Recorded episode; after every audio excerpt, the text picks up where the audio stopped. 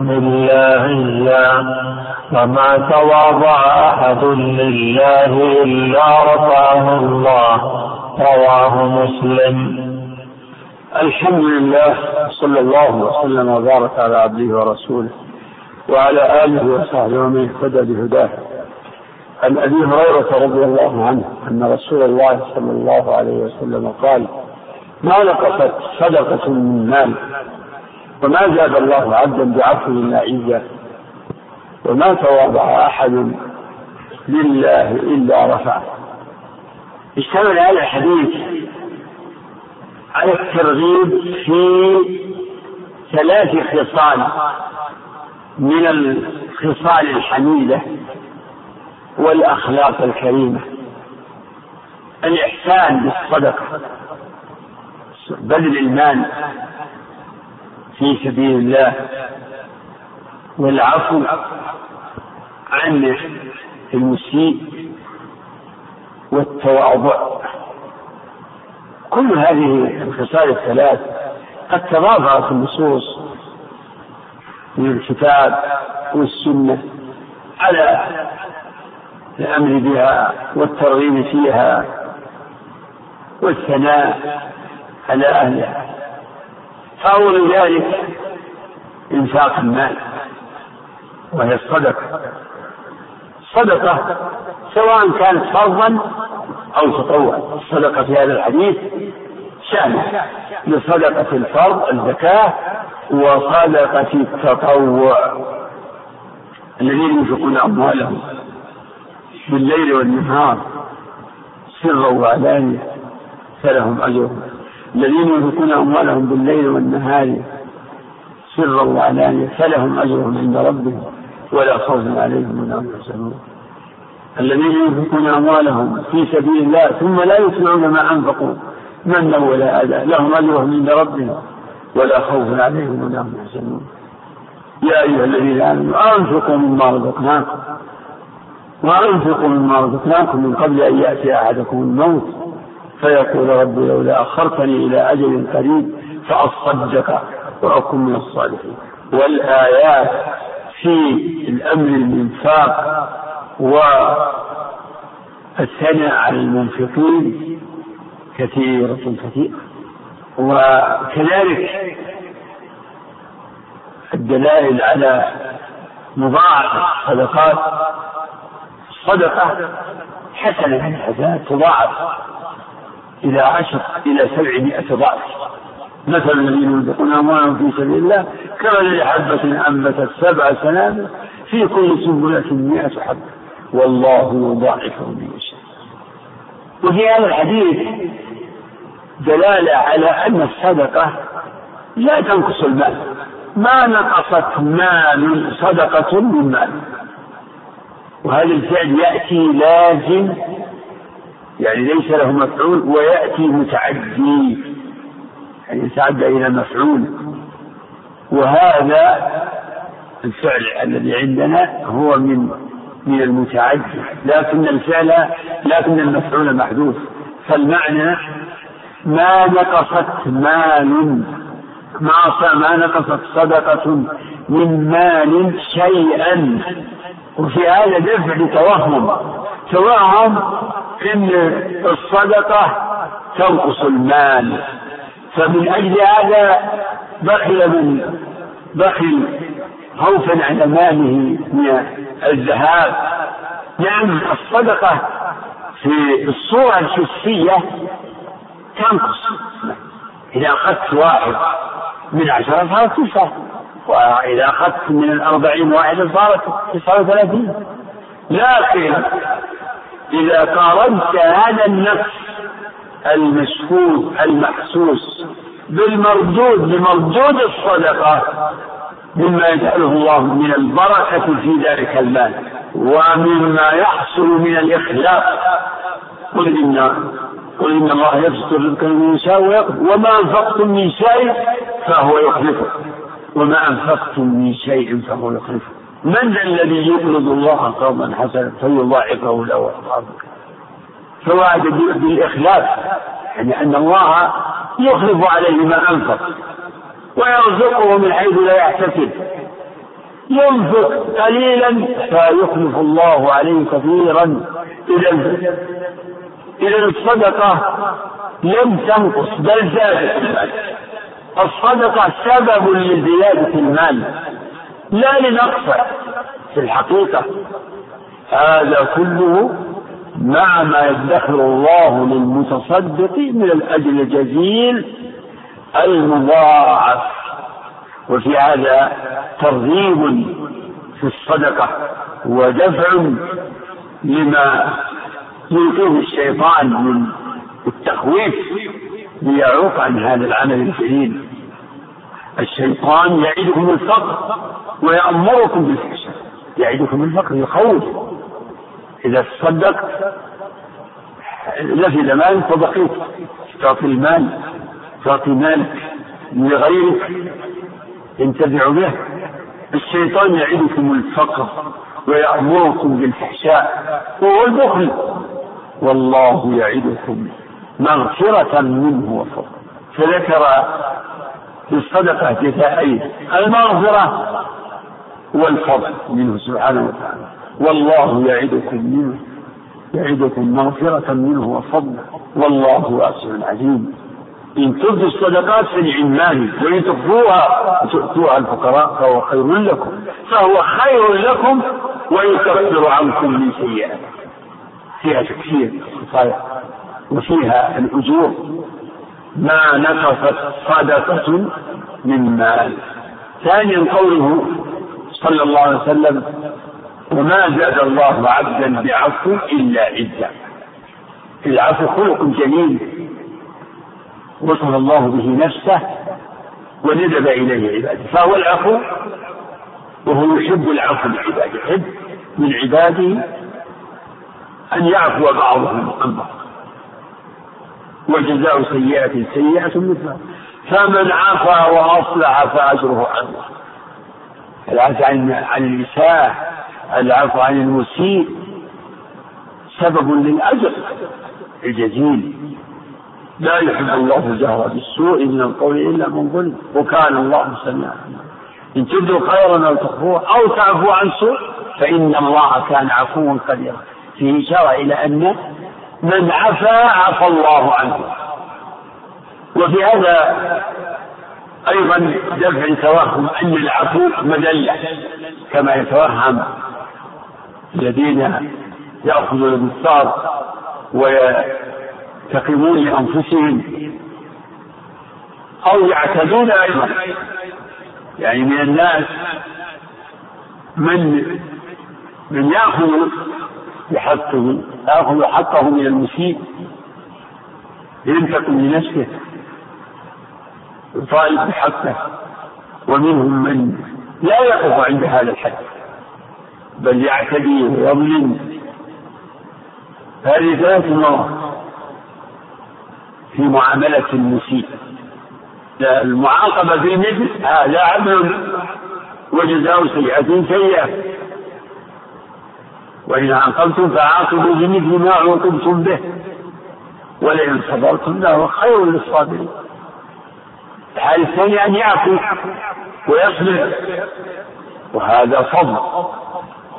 فمن عفا وأصلح فأجره على الله. ولئن صبرتم لهو خير للصابرين. ولمن صبر وغفر إن ذلك لمن عزم الأمور. وفي الحقيقة أن العفو هو الذي فيه العزة. ليس فيه مذلة بل هو عزة وقوة.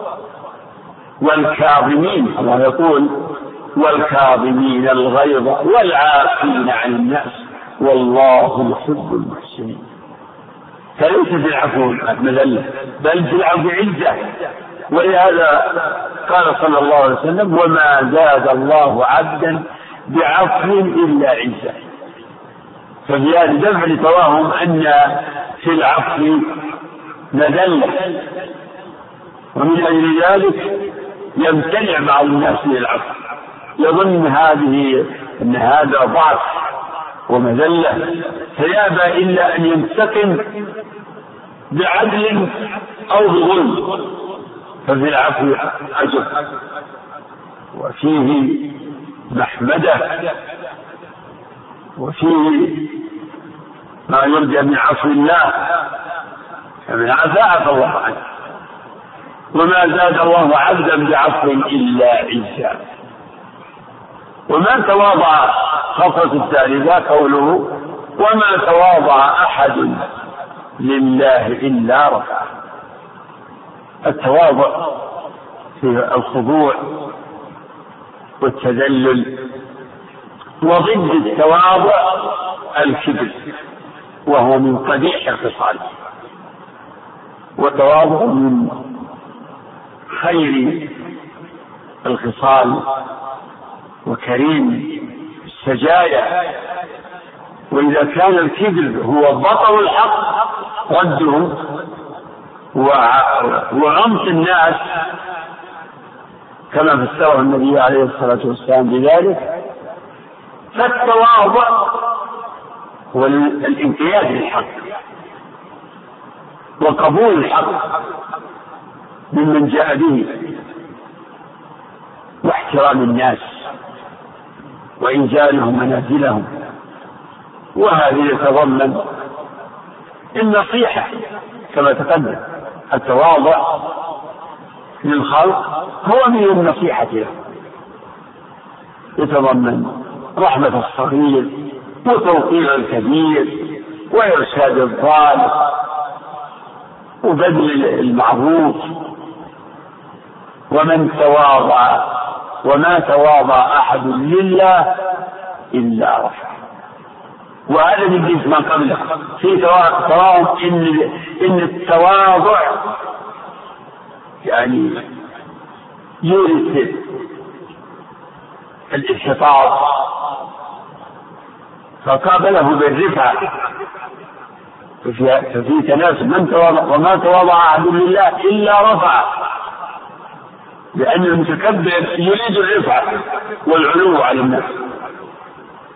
فهو حقيق بأن يذله الله. وضد ذلك التواضع سبب جعله الله سببا للرفعة. وقوله لله يحتمل عندي أن المراد أنه تواضع مخلصا في تواضعه لله من أجل الله لا تزينا وتصنعا وإظهار للتواضع وهو في قلبه بخلاف ذلك بل تواضع لله. وما تواضع أحد لله يعني تواضع لعباد الله مخلصا في ذلك لله. إلا رفع. ويحتمل إن المراد تواضع لله. يعني تذلل لربه وانقاد لأمره. وبهذا تحقيق العبودية. العبودية لله تتضمن الذل والخضوع وكل من الامرين مطلوب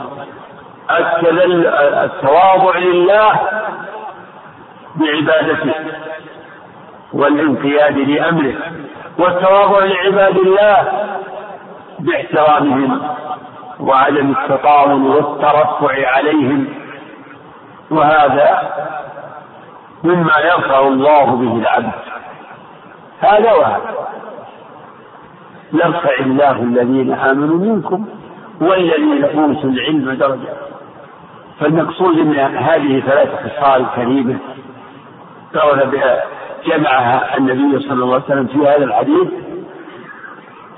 وفي هذا البيان دفع لتوهم ما يظنه الجاهلون من أن الصدقة سبب للفقر لأنها تنقص المال وأن العفو سبب المذلة والهوان وأن الثواب سبب للانحطاط بل الصدقة سبب للمريض والعفو سبب للعلم والتواضع سبب للرفعة.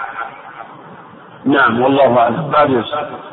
وعن أبي هريرة رضي الله عنه قال قال رسول الله صلى الله عليه وسلم كل عمل ابن آدم يضاعف الحسنة بعشر أمثالها إلى سبعمائة ضعف.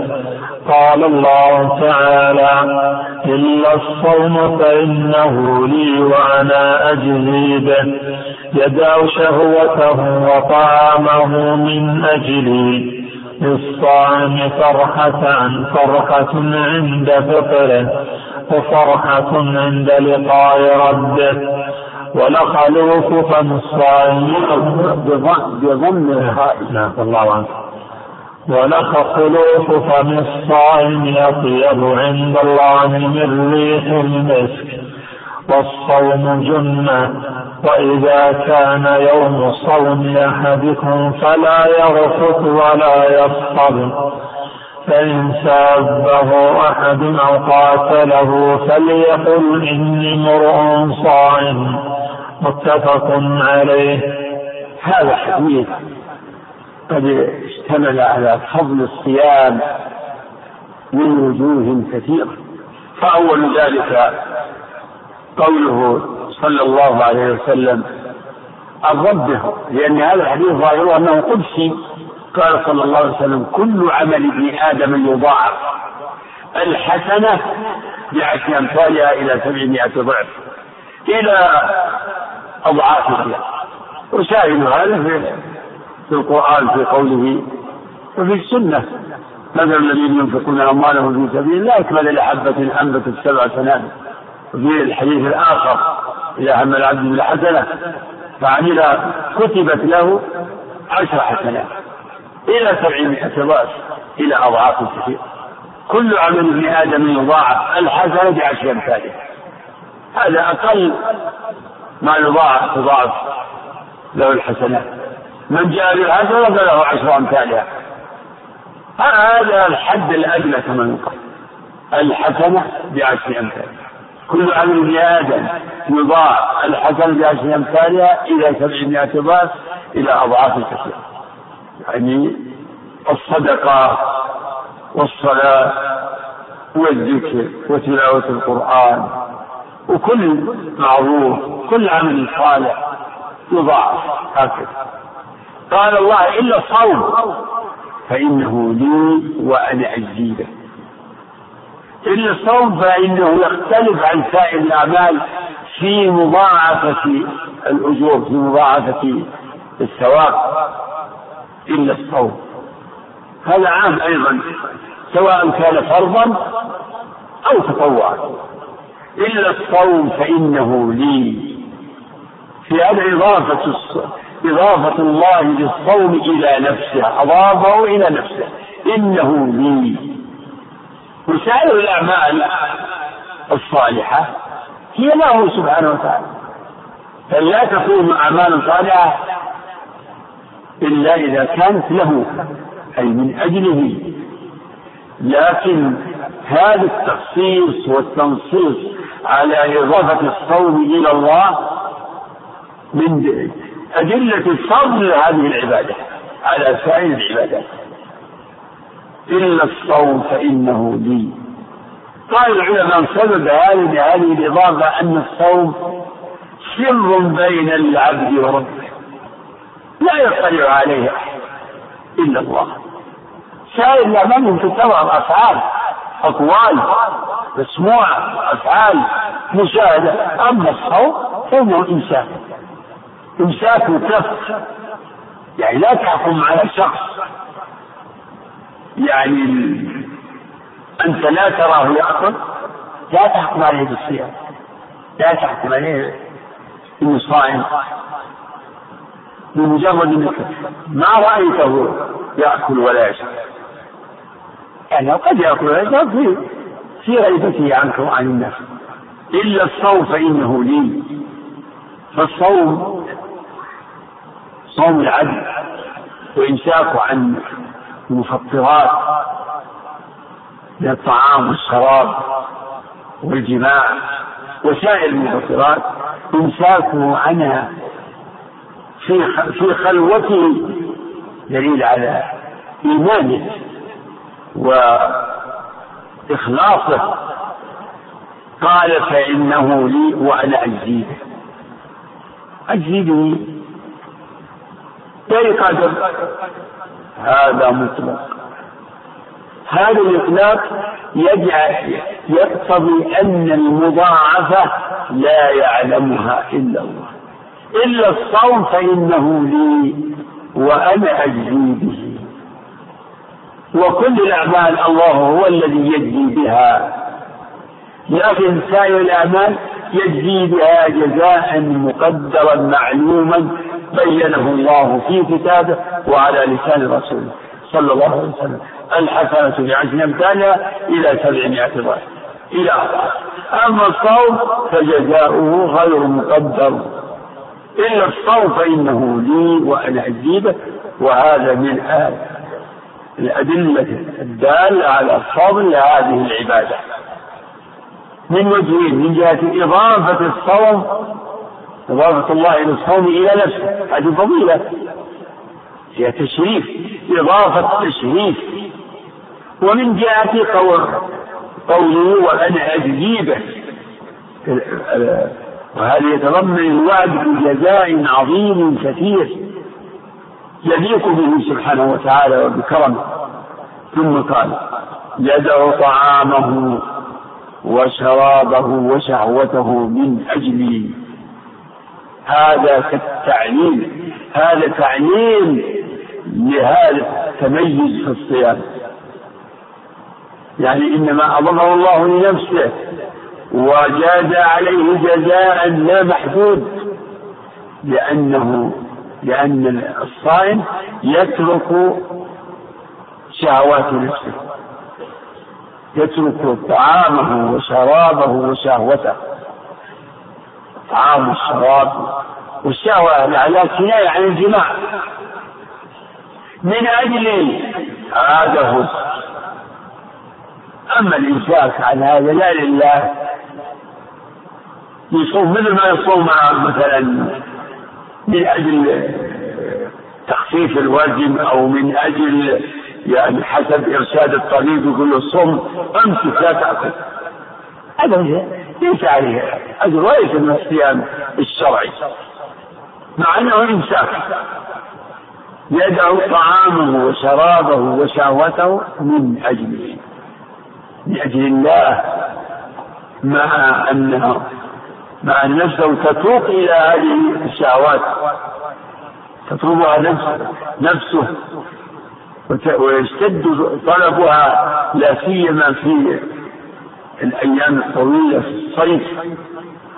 يدع طعامه وشرابه وشهوته من أجله وفي هذا دليل على إن السر يعني الفضل في الأعمال هو الإخلاص وكلما كان العمل أكمل إخلاصا كان أفضل. فالإخلاص يتفاوت تفاوتا عظيما. ولهذا عندي لا ينبغي التوسع في ذكر فوائد الصيام فوائد الصيام الصحية والاجتماعية ونحو ذلك مثلا إن الصوم فيه مثلا يعني يعني فيه هو من اسباب الصحة لأنه فيه تقلل من فضول الطعام تقلل من فضول الطعام فضول الشهوة. ينبغي التركيز على هذا. الله ذكر في خصال يعني فائدة جامعة للتقوى للصيام وهي قوله لعلكم تتقون. كما كتب كتب عليكم الصيام كما كتب على الذين من قبلكم لعلكم تتقون. هذه هي الفائدة العظيمة. والإخلاص هو أعظم معاني التقوى الإخلاص لله. فإذا صام الإنسان وهو لا يلاحظ أي مصلحة مادية. كان أكمل لإخلاص. يصوم لله استجابة لأمر الله ابتغاء مرضاة الله. بهذه المناسبة يقول بعض الناس أنا أروح إلى المسجد أمشي فيه رياضة أروح وأجي. لأن المشي زين رياضة هذا يفوت على الإنسان فضل كثير وخير كثير لأنه حينئذ آثر المشي على الركوب من أجل الرياضة من أجل تقوية بدنه و وأعضائه. لم يحتسب الخطى وما في فضلها. من أن العبد إذا توضأ في بيته وأحسن الطهور ثم خرج إلى بيت من بيوت الله لا يخرجه إلا الصلاة لا ينهجه إلا الصلاة لم يخطه إلا رفع له بها درجة وحط عنه بها خطيئة. إذا إذا لاحظ الإنسان المشي إلى المسجد لاحظ فيه جانب الرياضة فوت على نفسه هذا الفضل لم يمشي احتسابا. أتى المسجد رياضة من أجل الرياضة رياضة بدنه نعم ثم قال صلى الله عليه وسلم أو نقول قال الله تعالى للصائم للصائم فرحتان فرحة عند فطره وفرحة عند لقاء ربه. في حقيقة الحديث يعني يحتمل يعني فيه تردد. هل هل كل الحديث قدسي من, من, كلام الله. أم القدسي منه قوله قال الله إلا الصوم فإنه لي وأنا أجزي به يدع طعامه شرابه وشهوته من أجلي لأن الفاظه الأخرى أو الجمل الأخرى ألفاظها محتملة. للصائم فرحتان فرحة عند فطره وفي هذا ذكر لثواب الصيام العاجل والآجل. فللصائم فرحتان. فرحة عند فطره فإذا أفطر فرح. فرح من جهة من جهتين. من الجهة الشرعية أن وفقه الله للصيام وإتمام الصيام. وفرح من جهة طبيعية. وهي فرحته بما يلائم طبعه وما يميل إليه ويشتهيه من الشهوات التي كان ممنوعا منها ومحرمة عليه أو ممتنعا منها لله في وقت الصوم. أقول محرم عليه هذا في صوم الفرض. وممتنعا منها لله في صوم التطوع. لأن صائم المتطوع هل يحرم عليه الفطر؟ لا يحرم عليه. ومن أجل ذلك عبر الفقهاء تعبير دقيق عن المفطرات لم يقولوا المحرمات في الصيام. هل المفطرات محرمات في الصيام مطلقا؟ لا. محرمات في صوم الفرض. عبروا عن هذه المفطرات بماذا؟ بمفسدات المفطرات سموها مفسدات. نعم لأن لأن هذه العبارة تشمل الفرض والنفل فالأكل والشرب مفسد الصيام سواء كان فرضا أو نفلا. وفرحة عند لقاء ربه.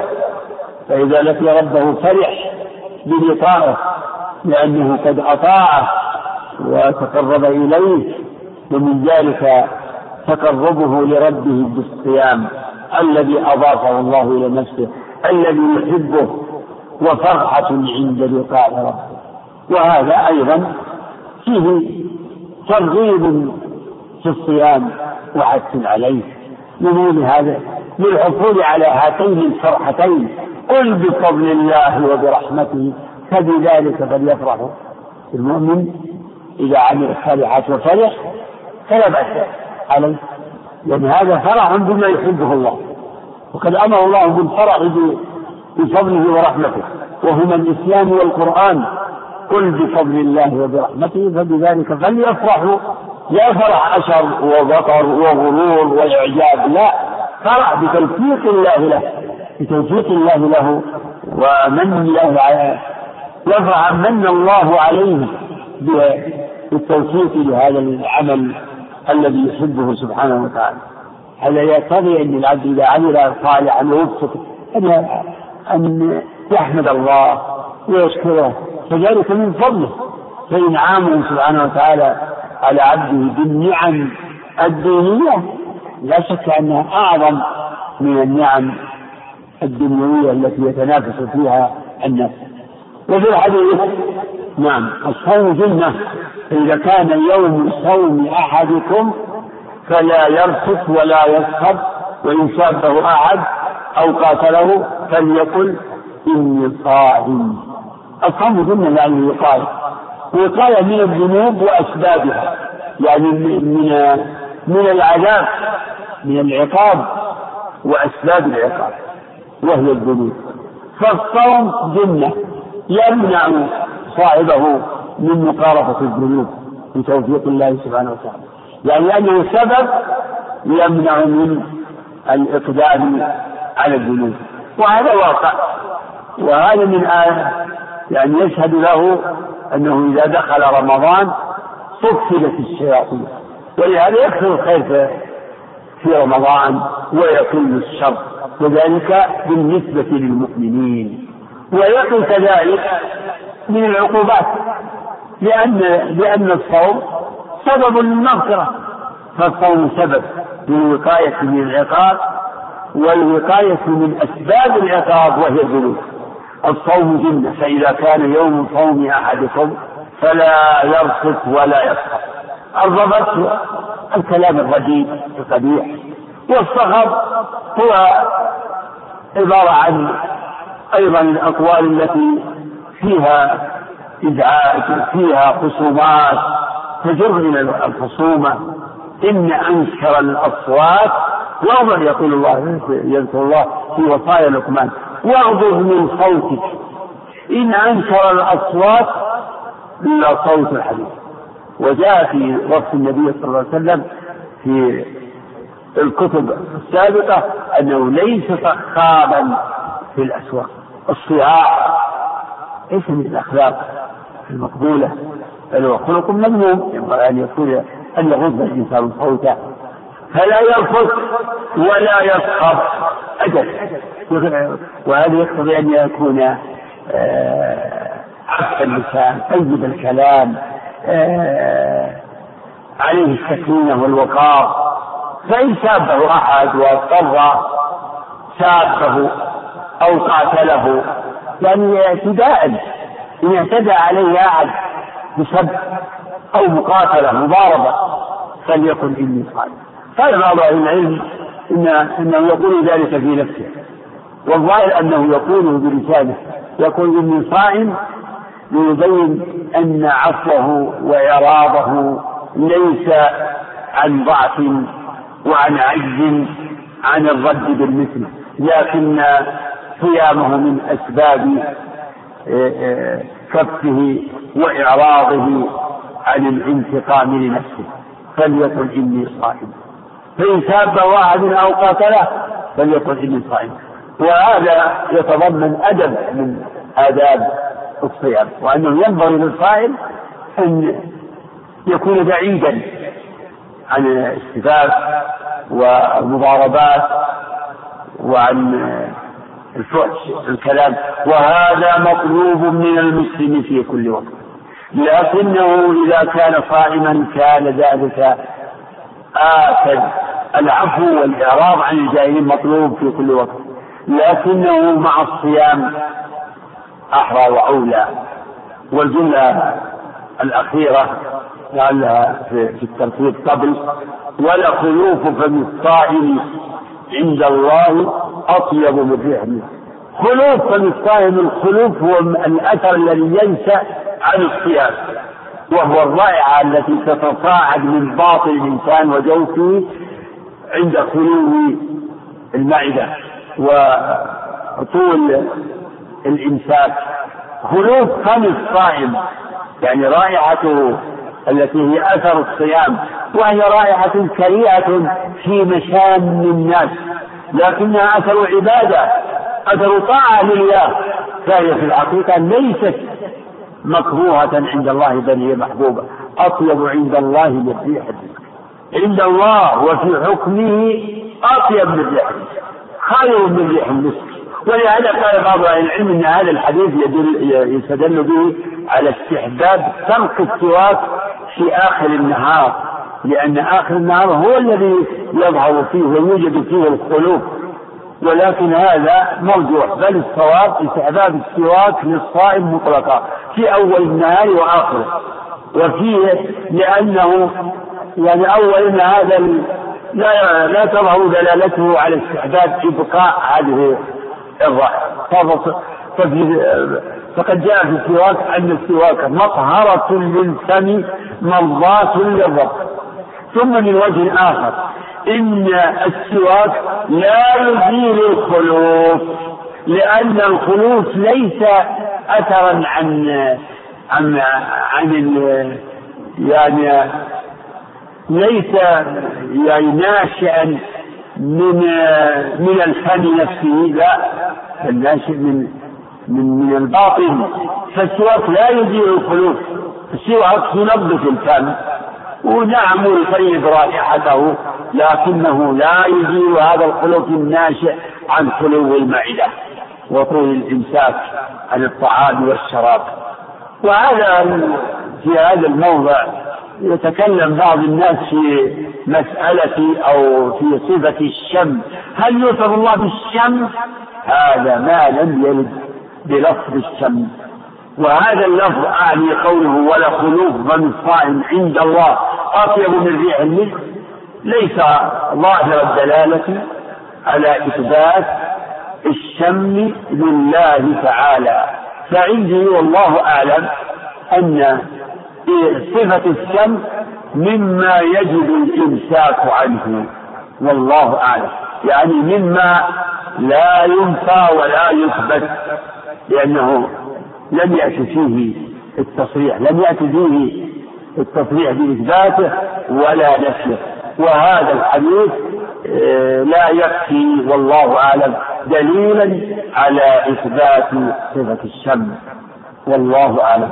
نعم أستاذ هذا الحديث. وعن أبي هريرة رضي الله عنه قال قال رسول الله صلى الله عليه وسلم إن الله قال من عادى لي وليا فقد آذنته بالحرب إلى آخر الحديث؟ نعم. ونكتفي هنا لأن الحديث هذا طويل.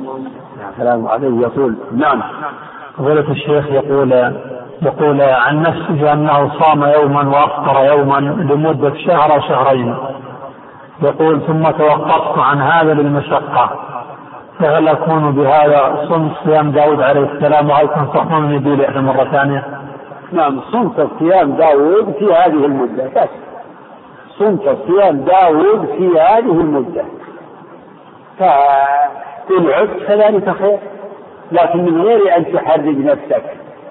إذا كان عليك يعني حرج ومشقة آه، فكما تقدم الدين يسر ينبغي الإنسان أن يكلف من العمل آه، ما ما يطيق دون أن يشق على نفسه. إذا كان عليه مشقة بسبب ظروفه الصحية أو ظروفه الانتفاعية يعني من جهة العمل ويحصل له مشقة إذا صار نعم. يقول فضيلة الشيخ يقول هذا الشخص عن نفسه أنه نصحه الطبيب بالصيام لكي يخف الألم عنه. آه الألم الألم عنه. يقول إذا نويت الصيام آه، أخلصت النية في الصيام مع الشفاء. الحكم يعني؟ أفضل أنك تؤجر على نيتك بالقربة ولكن لست كأجر من صام محضا لأن الطبيب نصح بالصيام العادي هو نفعك بأن تمسك لا تأكل ولا تشرب. ويمكن أنه نفعك يعني بالصيام وتقليل الطعام يعني في الليل والنهار. لأجل مقاومة الحالة التي عندك أو كما يفعلون لتخفيف للتخفيف تخفيف الوزن. هذا عمل أمر عادي. فإذا أنت قلت الحمد لله ما دام أن الطبيب يعني نصحني بتقليل الأكل فهذا أريد أن أغتنم هذا هذا وأجعله فرصة فأمسك من الفجر إلى المغرب. والطبيب فيما يظهر لا يأمرك بالإمساك عن الشراب عن الشيء اليسير إلا في حالات معينة يأمرك بالصيام التام. هذا أكثر ما يطلب, يطلب يطلبه الطبيب. إذا كان هناك يعني عملية أما يعني لمجرد آه، الصيام للعلاج فهو لا يطلب الصيام بالصورة الشرعية أن تمسك من كذا إلى كذا ولا تذوق أي شيء. ف يعني يشبه يشبه هذا من آه، انتدب لمكة أو للحج. في الوظيفة في حكم العمل. الحمد لله هذه فرصة أنا أحس فهذا الحج ليس تاما كحج من آه، أحرم به ونواه ابتداء وكان وكان الباعث على سفره هو الحج وحده. بمعنى أن هذا لو لم ينتدى ما لكن اغتنم هذا فرصة. فله نيته وله حجه وحجه صحيح. وهكذا في مسألة في مسألة صورة الصيام. نعم.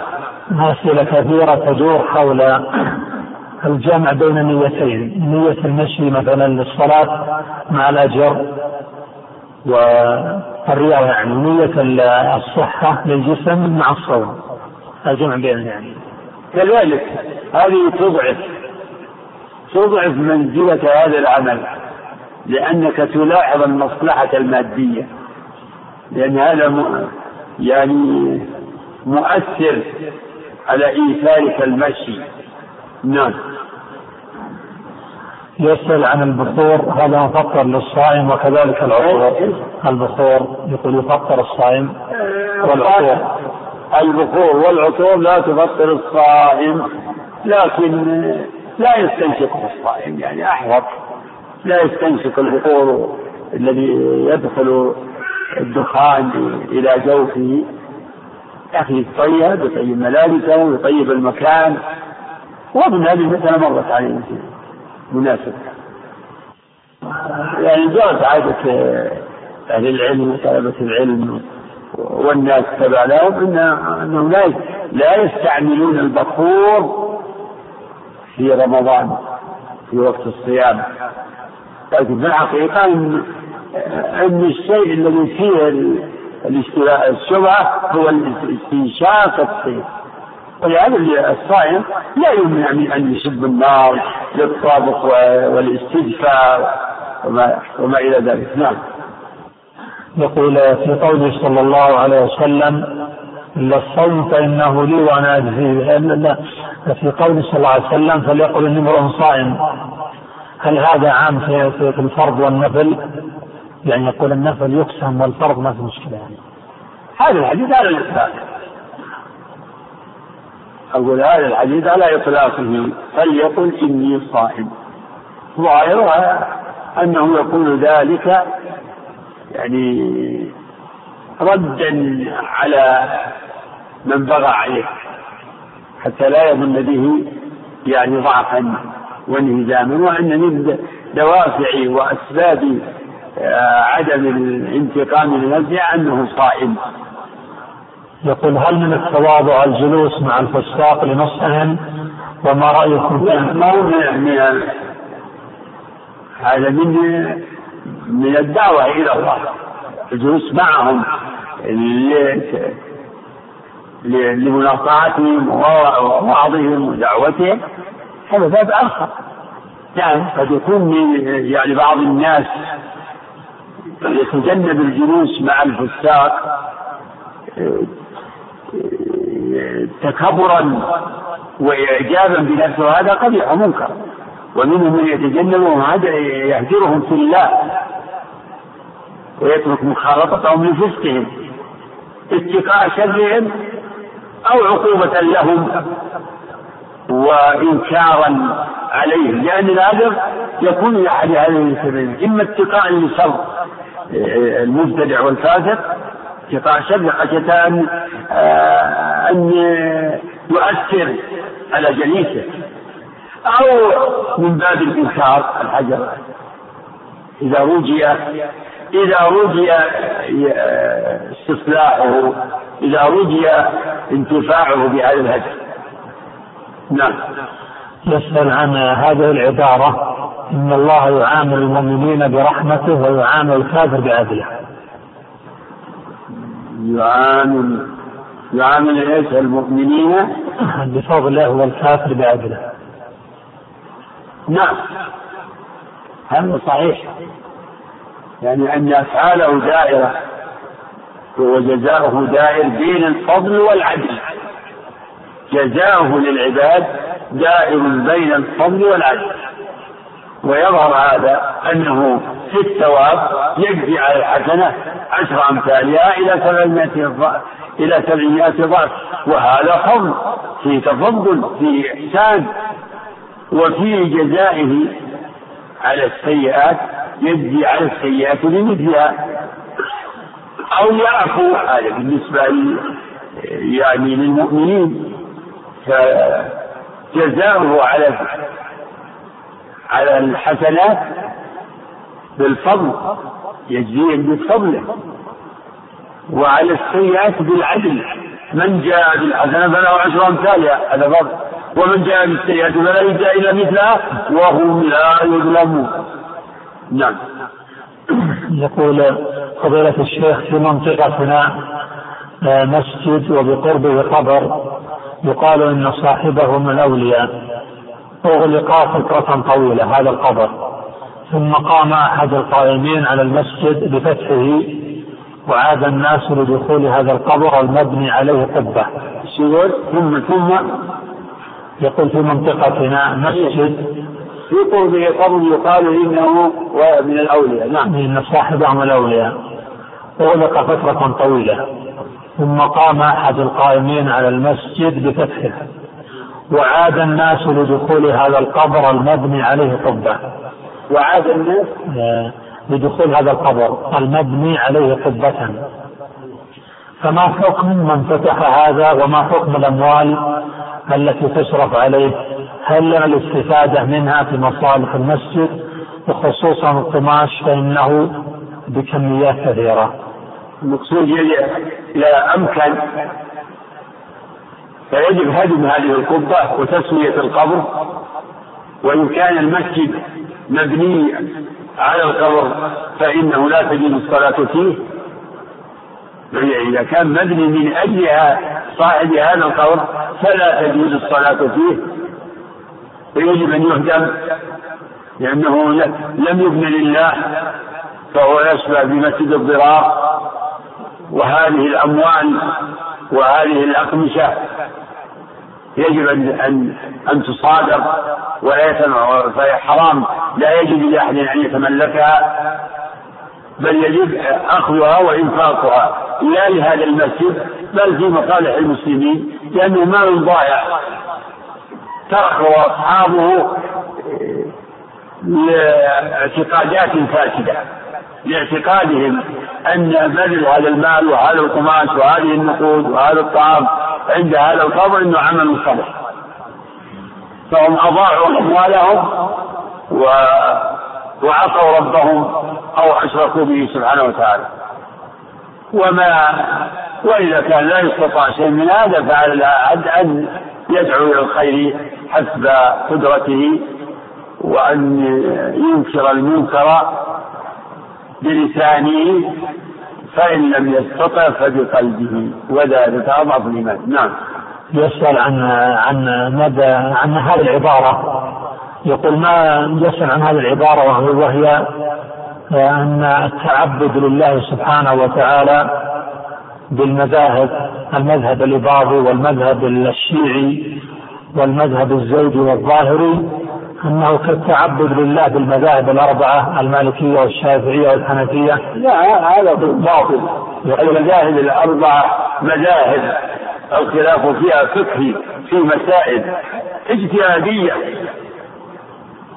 اختلف فيها الأئمة. وأما هذه المذاهب فهي مذاهب بدعية بعضها شر من من بعض. أما المذهب الظاهري فهو من من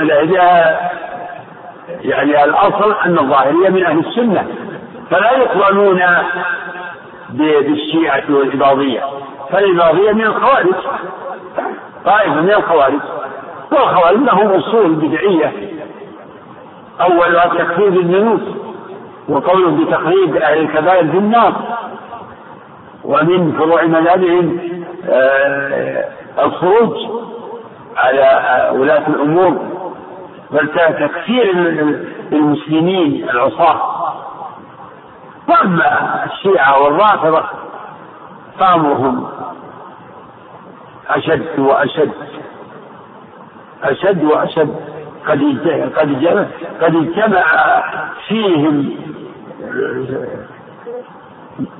كل ما تفرق في طوائف في طوائف المبتدعة نعم. السؤال قبل الأخير يقول يسأل عن مدى صحة أو هذه العبارة يقول أن الفكر الصوفي المعتدل مقبول ما دام يستند إلى الشهادتين. كلمة مجمل الفكر الصوفي المعتدل. المعتدل هذه تحتاج إلى تفسير يعني الصوفي يعني الفكر يعني لأن الصوفية قد يراد بها يعني الزهد والتنسك والعبادة. فمن كان على هذا على يعني على السنة؟ فهو حق لكن التعبير عنه بالتصوف يعني اصطلاح حادث. لأن الصوفية طبقات. قدماء الصوفية المتقدمون. يعني يعني الغالب عليهم التزام السنة. والمتأخرون كثر فيهم الانحراف الظاهر والباطن في الأقوال وفي وفي العبادات وفي الاعتقادات. وشر الصوفية هم الاتحادية. فهذا الذي يكون المعتدل نحتاج منه إلى التفسير. تفسير كلمة الاعتدال. بما الاعتدال؟ ما هو التصوف المعتدل؟ إن قال التصوف يعني التنسك والعبادة التي لا تخالف سنة رسول الله صلى الله عليه وسلم. فهي نعم. و ولكن ينبغي ترك آه، هذا الشعار وهذه التسمية. لأن التصوف والصوفي يتناول الصالح والطالح من من العباد نعم السؤال الأخير يقول نرجو من فضيلتكم التعليق على ما يثار حول دعوة شيخ الإسلام محمد بن عبد الوهاب من تشويه وافتراء. على كل حال ما يثار حول دعوة الشيخ هو من داخل في الصراع بين الحق والباطل. الصراع بين أهل السنة والمبتدعة. الطعن في الشيخ محمد بن عبد الوهاب رحمه الله لا يكون إلا من جاهل بحقيقتها شبهت له ولم يعرف حقيقتها هذا قد يكون مع مع وهذا معذور وإما خصم عنيف يدافع عن عن البدع والمبتدعين هذا هو الجاهل دعوة الشيخ رحمه الله دعوة سنية سلفية ولله الحمد. تقوم على التوحيد الدعوة إلى تحقيق التوحيد الذي هو حق الله على العبيد وتحقيق السنة القيام بسنة الرسول عليه الصلاة والسلام. فدعوته قامت بمحاربة الشرك ووسائله ومحاربة البدع ولله الحمد. وهذا ما يقصد به كل منصف. حتى الكفار إنما يحاربون لأنهم يعرفون إن دعوة الشيخ محمد بن عبد الوهاب التي يسمونها الوهابية يعرفون إنها هي التي في الحقيقة آه، مضمونها هي حقيقة الإسلام. تحقيق الشهادتين شهادة لا إله إلا الله وأن محمدا رسول الله صلى الله عليه وسلم والله أعلم.